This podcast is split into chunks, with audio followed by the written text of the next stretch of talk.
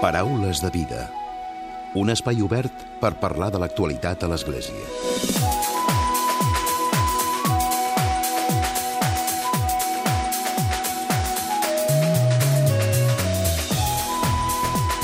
Què tal? Salutacions i molt bon dia, molt bon diumenge. Avui una de les nostres propostes és lúdica i educativa i és que la Delegació d'Ensenyament de l'Arcabisbat de Barcelona aposta per difondre el Trivi Reli, un recurs educatiu innovador per tal de potenciar la qualitat de l'ensenyament de religió a primària i a l'ESO.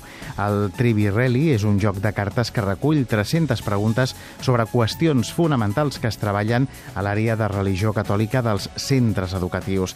Al llarg d'aquest any està previst que es distribueixi el Trivi Reli als centres educatius i que durant la primavera de l'any que ve, del 2019, se celebri el primer campionat dirigit als alumnes de les escoles públiques, concertades i també privades.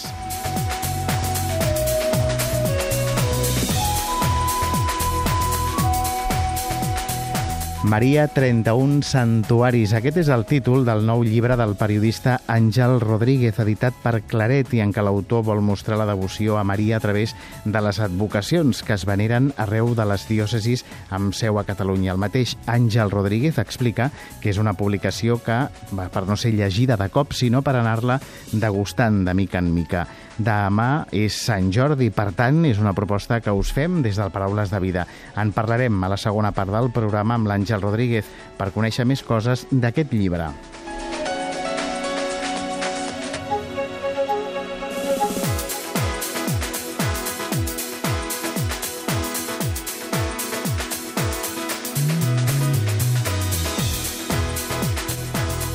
I com sempre, a la recta final del Paraules de Vida arribarà un nou comentari de l'actualitat de Francesc Romeu. És diumenge 22 d'abril. Comencem.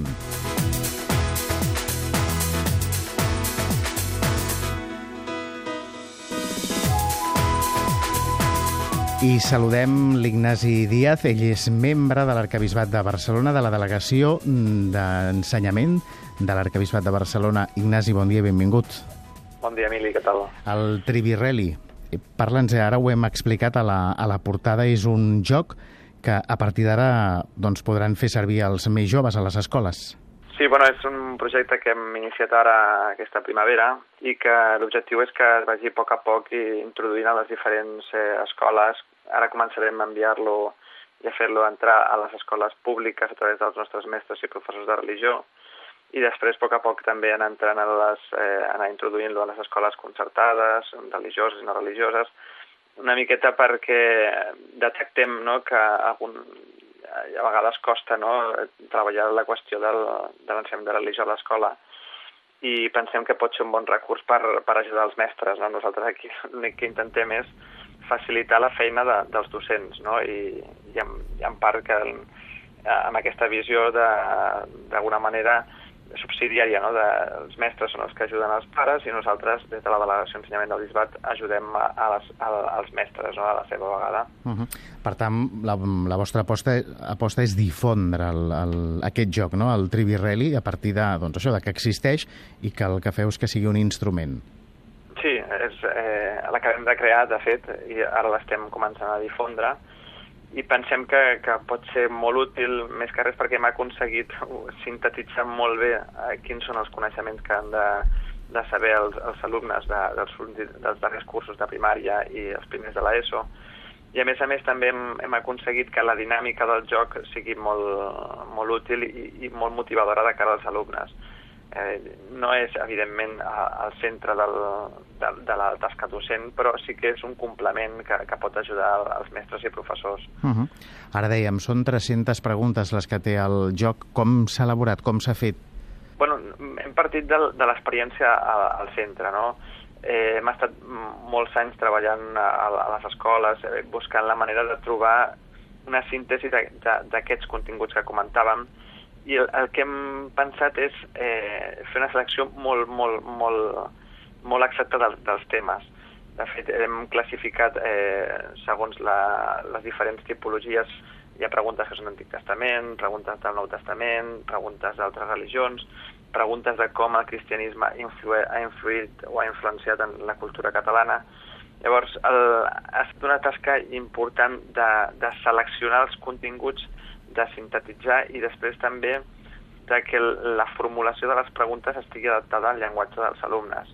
Perquè de vegades eh, que ens trobem que hi ha materials educatius doncs que potser sí que tenen ben els continguts estan bé, però la presentació a nivell gràfic eh, és dolenta, o si tenen la presentació gràfica bé i els continguts bé, de vegades la dinàmica que, que s'ha utilitzat doncs, no és eh, motivadora pels alumnes. Llavors hem, hem fet una tasca molt important d'englobar de, tots aquests requisits que ha de tenir un recurs educatiu perquè funcioni. Uh -huh. Ho heu fet des de la delegació d'ensenyament? De, uh -huh. Des de la delegació d'ensenyament, sí, sí. Uh -huh. No sé com, com ha estat el, el procés. Heu també requerit de, no sé si d'assessors o de persones que us hagin fet un cop de mà a l'hora de plantejar bueno. totes les preguntes, com deies ara, tot el que anaves explicant. No, és interessant perquè en l'elaboració d'alguna manera també han participat a, a alguns a, els alumnes. No? A vegades una de les tasques que proposàvem als alumnes era a partir d'una unitat didàctica doncs, que ells mateixos anessin eh, elaborant preguntes a, a, arrel d'aquella temàtica perquè fessin l'esforç no? de, de, de buscar què és l'important i després de saber formular-ho. Llavors, no és només una preparació per part de professors, sinó que també han participat alumnes en, en la confecció del, i en la preparació del joc. Uh -huh. Per tant, diguéssim que, que ells han tingut també un, un primer contacte, no? Ja saben també com pot ser el, el joc. Sí, sí, sí, o sigui, ja no, no, no és una una cosa que, que diguem així, que cau del cel directament, sinó que, que partim de, de l'experiència a, a l'aula i, i alumnes que, que ja el coneixen, d'alguna manera ja el coneixeran. Ara, per tant, ja, ja físicament ja està el joc, no?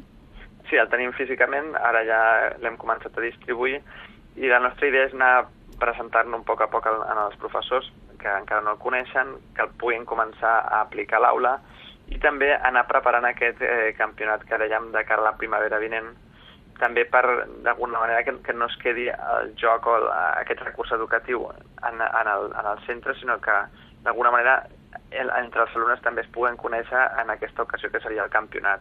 Uh -huh. Una miqueta també per motivar, de, de fet, tinc, tenim companys que no són professors de religió, però que són, per exemple, d'economia, no? que fan campionats d'emprenedoria i, i també fan una, diguem així, un campionat a nivell de Catalunya, després els que guanyen a nivell de l'Estat, i inclús a vegades també fan que són més enllà de, de, de, de l'estat espanyol, no?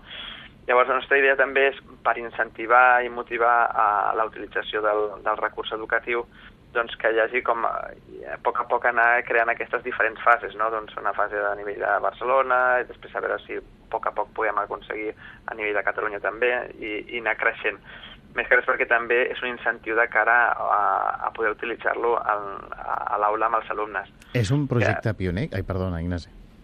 Sí, és, no, és pioner? És un projecte pioner?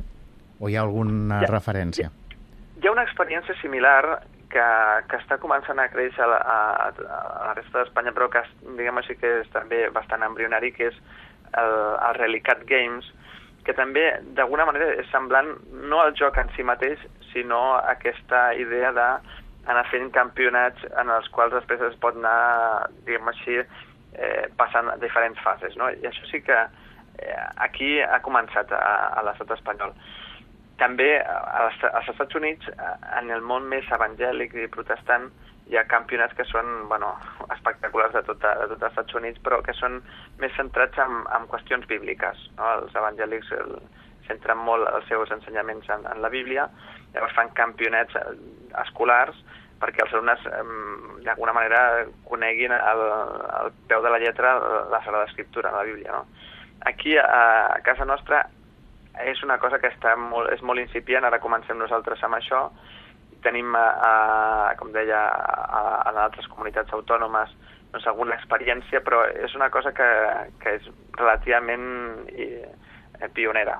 I no sé si teniu la, la previsió de que es pugui estendre, ara dius Barcelona, però es podria estendre també la resta de, de bisbats catalans i no sé si també la resta de l'Estat per ser un projecte pioner? Sí, sí, sí. Nosaltres ja hem començat a tenir relacions amb, amb, amb altres bisbats i la idea és que, que el puguin conèixer, que puguin participar. O sigui, eh, nosaltres el que ens interessa sobretot és que els nanos d'avui en dia, per desgràcia molts no, no saben ni, ni, ni l'ABC de, del, del, del cristianisme i de les altres religions, però sobretot del cristianisme, que és d'alguna manera la religió que, que ha configurat la nostra cultura. Llavors, eh, pensem que, que, que això és una lacra, per dir-ho d'alguna manera, no? Perquè després eh, aquests nanos van als museus o, o senten el llenguatge periodístic, inclús, i surten paraules que, que tenen un origen bíblic o, o, o imatges de, de, de sants o, o de passatges bíblics i, i no els saben interpretar. Llavors ja no és una qüestió d'analfabetisme religiós, és una, una, una qüestió de, de, de, de, de cultura general, no? d'analfabetisme de, de, de, de qüestions que són bàsiques. No? Uh Mhm. -huh. Llavors, mm, evidentment que a nosaltres el que ens interessa és eh, que arribi a, a tot arreu, si pot sortir del Bisbat de Barcelona i arribar a altres bisbats, eh, seria, estaríem encantadíssims.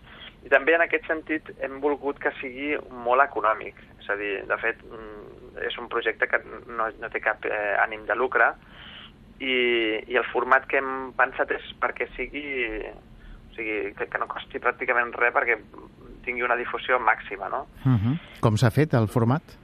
El, el format és, és una baralla de cartes. Hem aconseguit agafar un joc d'aquests de, de, de, de preguntes, tipus Trivial Pursuit, de, de, o de preguntes aquests típics que són unes capses grans i que tenen un taulell i els uh Mhm. -huh. seus daus i, i les seves cartes que, que ocupen moltíssim i que per poder-ho comercialitzar o per poder produir d'aquest tipus de jocs necessites molts diners. Hem, ho hem sintetitzat i jo crec que aquest és el mèrit que, hem, que, que té el joc en part és ficar-ho en una baralla de cartes. I això fa que, que sigui inclús molt versàtil de cara que els alumnes doncs, el puguin tenir, el puguin utilitzar al pati, el puguin tenir a casa. Eh, jo crec inclús que des d'altres àrees no m'estranyaria que en breu agafessin la idea de la dinàmica, eh, de, de com, de com s'ha pensat, perquè funciona molt bé, ja ho hem experimentat amb els alumnes, i, i, i bueno, igual que hem fet de religió, es pot fer d'altres matèries, de matemàtiques, de castellà, de català, d'anglès, de, de ciències socials, del, del que sigui, no? I està editat en català, Ignasi? Està en català, sí, sí, sí, editat en català, sí, sí. Mm. L'hem enviat també a un altre lloc de, de fora de Catalunya perquè el coneguin i jo crec que, que és fàcil que l'agafin, potser aprendran una miqueta en català, però bueno, la idea és que, que també puguem fer-lo en castellà i, i que també puguin participar. De fet, ara comença el projecte, per tant, ha de créixer, no?, en els propers sí, sí, mesos. Sí, sí. Jo, no sé, tinc, tenim l'esperança de, de que es difongui ràpidament, més, per, més que res perquè, um, ara no és per posar-nos medalles, no?, però hem, hem fet un gran esforç per, per, perquè tingui que tingui molta qualitat aquest, aquest joc, aquest recurs, i, i quan jo crec que quan una cosa té, està ben feta és fàcil que, que es difongui. I, Mhm. i bueno, ja, ja comencem, comencem a tenir les, les primeres el primer ressò de, de, de gent que, que l'està fent servir i que, i que ens demana perquè, perquè pensen que pot ser una gran oportunitat. I com deies, els professors també contents, no? Home, per suposat, Clar. sí, sí, sí. Uh -huh. no, tot el que sigui ajudar-los en la seva tasca, doncs per ells és molt benvingut. Uh -huh.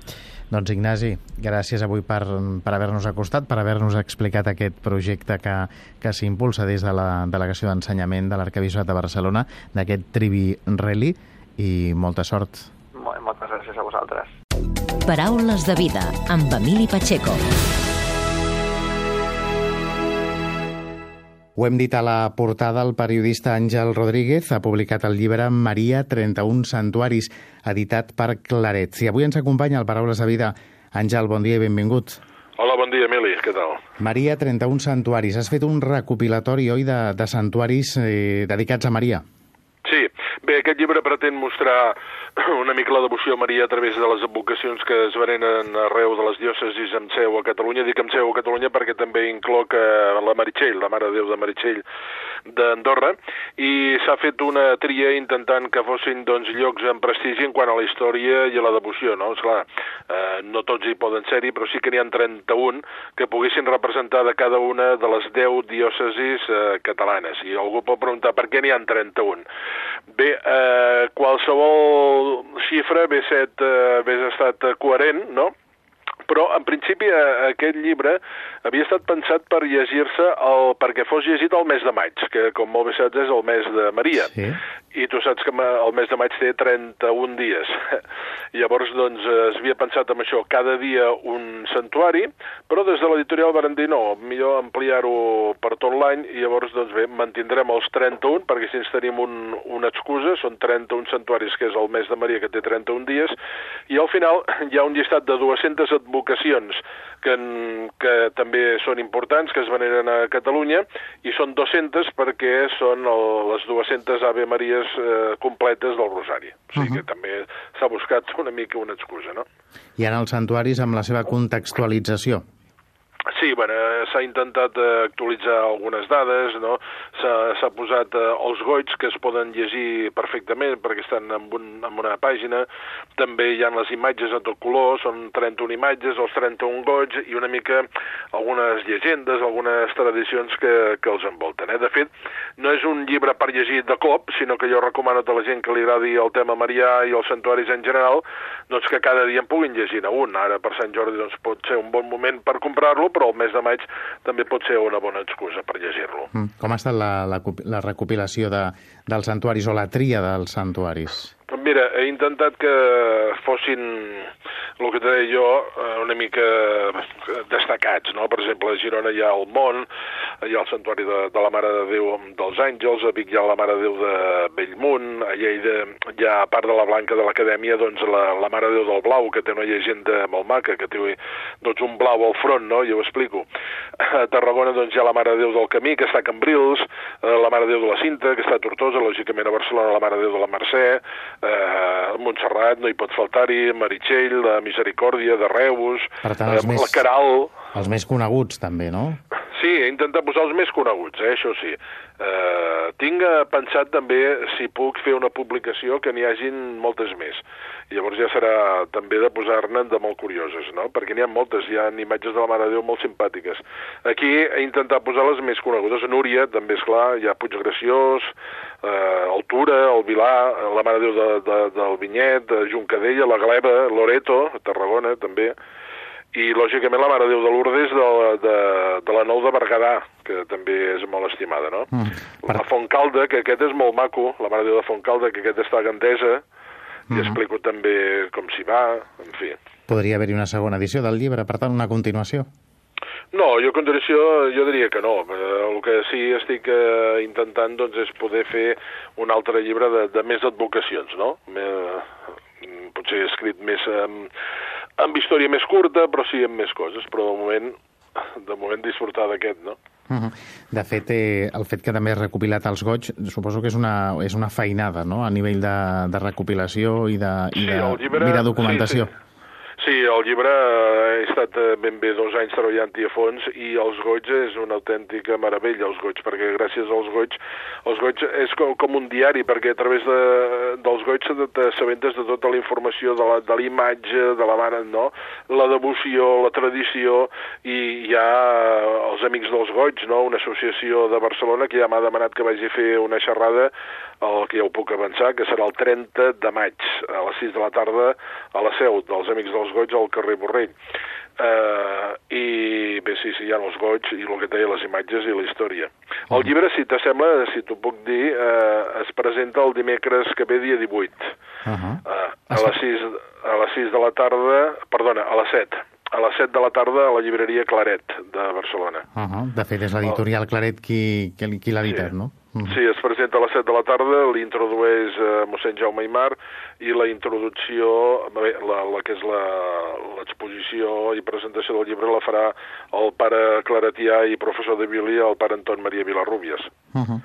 Doncs, Àngel, gràcies avui per haver-nos acompanyat i, de fet, ja queda, ja ho has dit tu, has fet eh, la proposta per, per aquest Sant Jordi, no?, pels oients del Paraules de Vida.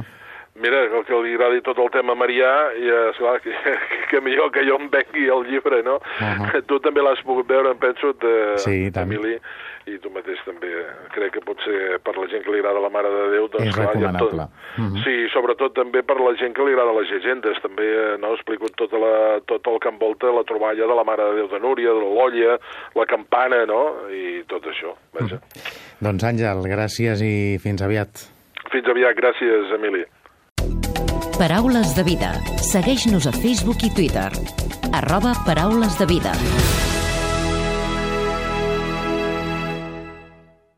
I tot seguit arriba el comentari de l'actualitat de Francesc Romeu. Francesc, molt bon dia. Molt bon dia a tothom. La setmana passada es va celebrar a Roma la reunió plenària de la Comissió Pontifícia per l'Amèrica Llatina i va acabar amb una proposta força interessant i que ens ha de fer pensar profundament.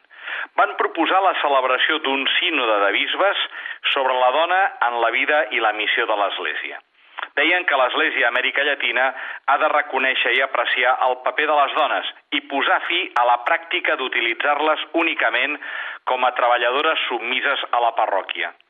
Encara hi ha clergues masclistes, deien, que intenten utilitzar les dones com a serventes dins la seva parròquia, gairebé com a clientes submises del culte i pel treball manual en tot allò que se les necessita. Tot això ha d'acabar-se, recull el document final de la plenària.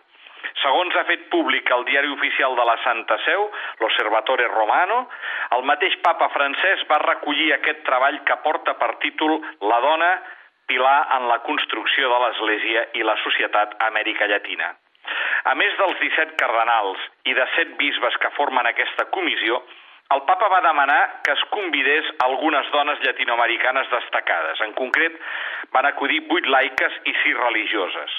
El document final considera necessari donar solucions concretes als problemes de les dones, no perquè sigui exclusiu d'elles, sinó perquè aquestes actituds masclistes són un autèntic problema per l'Església. Una altra de les conclusions més cridaneres és que demanen que les dones formin part dels equips de formació dels seminaris, donant-los autoritat per ensenyar i acompanyar els seminaristes, així com l'oportunitat d'intervenir en el discerniment vocacional i el desenvolupament equilibrat dels candidats al ministeri sacerdotal.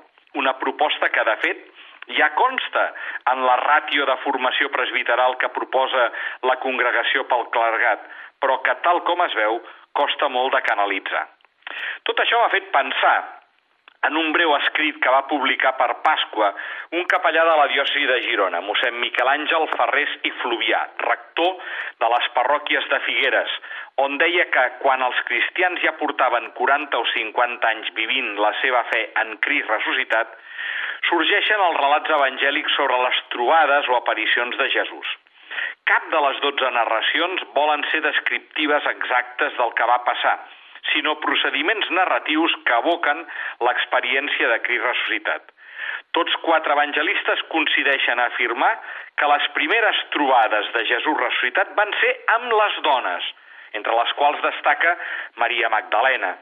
És una dada significativa, tenint en compte que en la legislació jueva del temps de Jesús el testimoni d'una dona era jurídicament nul, i més si tenia mal anomenada. Penso que si Jesús va privilegiar Maria Magdalena per ser la primera testimoni i apòstol de la resurrecció, va ser segurament perquè un missatge tan sorprenent i dinàmic només podia ser propagat per una dona com ella, que havia conegut la follia d'un perdó que l'havia enamorada. Quan Jesús moria a la creu, els apòstols havien desaparegut del mapa. A l'hora decisiva pràcticament només quedaven les dones. En aquesta hora decisiva de la història de la nostra Església, què esperem per donar a la dona el lloc apostòlic que li pertocaria? Es pregunta mossèn Miquel Àngel Ferrés. La reflexió de mossèn Ferrés segueix dient cap dels quatre evangelistes no gosa narrar la resurrecció de Jesús. Parlen del sepulcre buit, amb un missatge vital. Per què busqueu entre els morts aquell que es viu? La buidor del sepulcre no demostra encara res, però demana ser omplerts per una presència certa i obre una actitud de recerca. Aneu, digueu als deixebles i a Pere que ell us precedeix a Galilea. Jesús ja, és, ja no és només el qui va viure, sinó el qui viu. La llosa estava apartada del sepulcre, és a dir, ja no hi ha separació entre la vida i la mort. Fa com la cortina del temple que s'esquinçà de dalt a baix en el moment de la mort de Jesús a la creu. Indica que ja no hi ha barreres entre Déu i la humanitat. L'abisme entre el món dels vius i el món dels morts l'establim els éssers humans, però no existeix per Déu. La vida que ell ens dona no s'interromp amb la mort. L'esperança en surt indemne. Amb la Pasqua, Déu ha donat la raó a Jesús i l'ha treta a tots els opressors. Molt bon diumenge a tothom.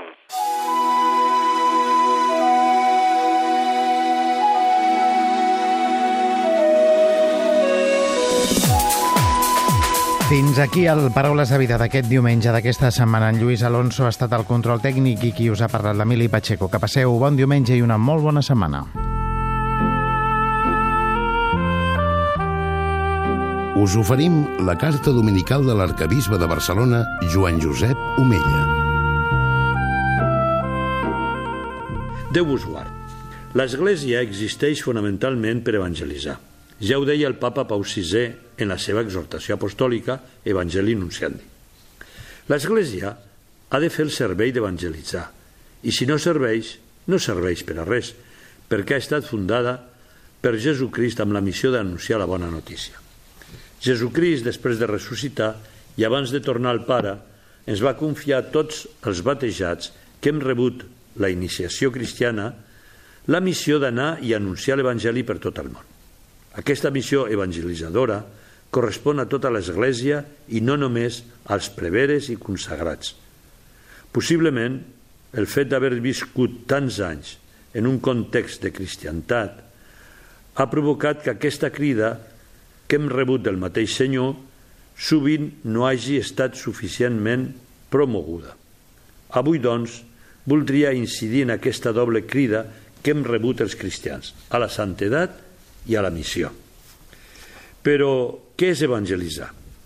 El beat papa, el futur sant Pau VI, ens recorda l'Evangeli Nunciandi que evangelitzar significa per a l'Església dur la bona nova a tots els ambients de la humanitat i amb la seva influència transformar-la des de dins i renovar-la. Això diu el papa.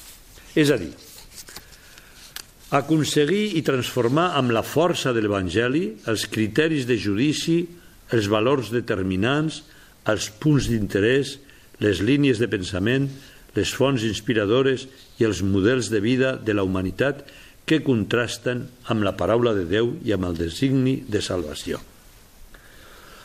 40 anys després, i influït per Pau VI, el papa Francesc insisteix en la vocació missionera de l'Església i ens recorda que evangelitzar és proposar una trobada amb algú que té la capacitat de transformar completament la nostra vida.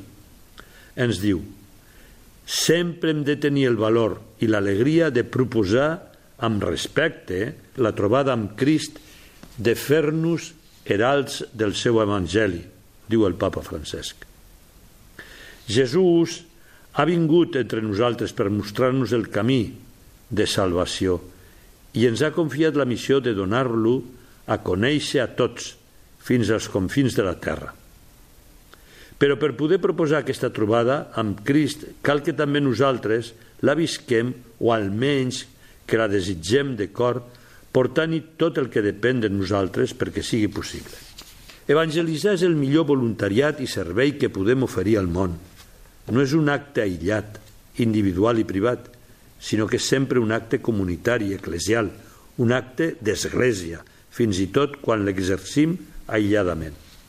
Evangelitzar és oferir allò més gran que pot rebre una persona. Nosaltres volem oferir amb joia aquest regal a tota la humanitat.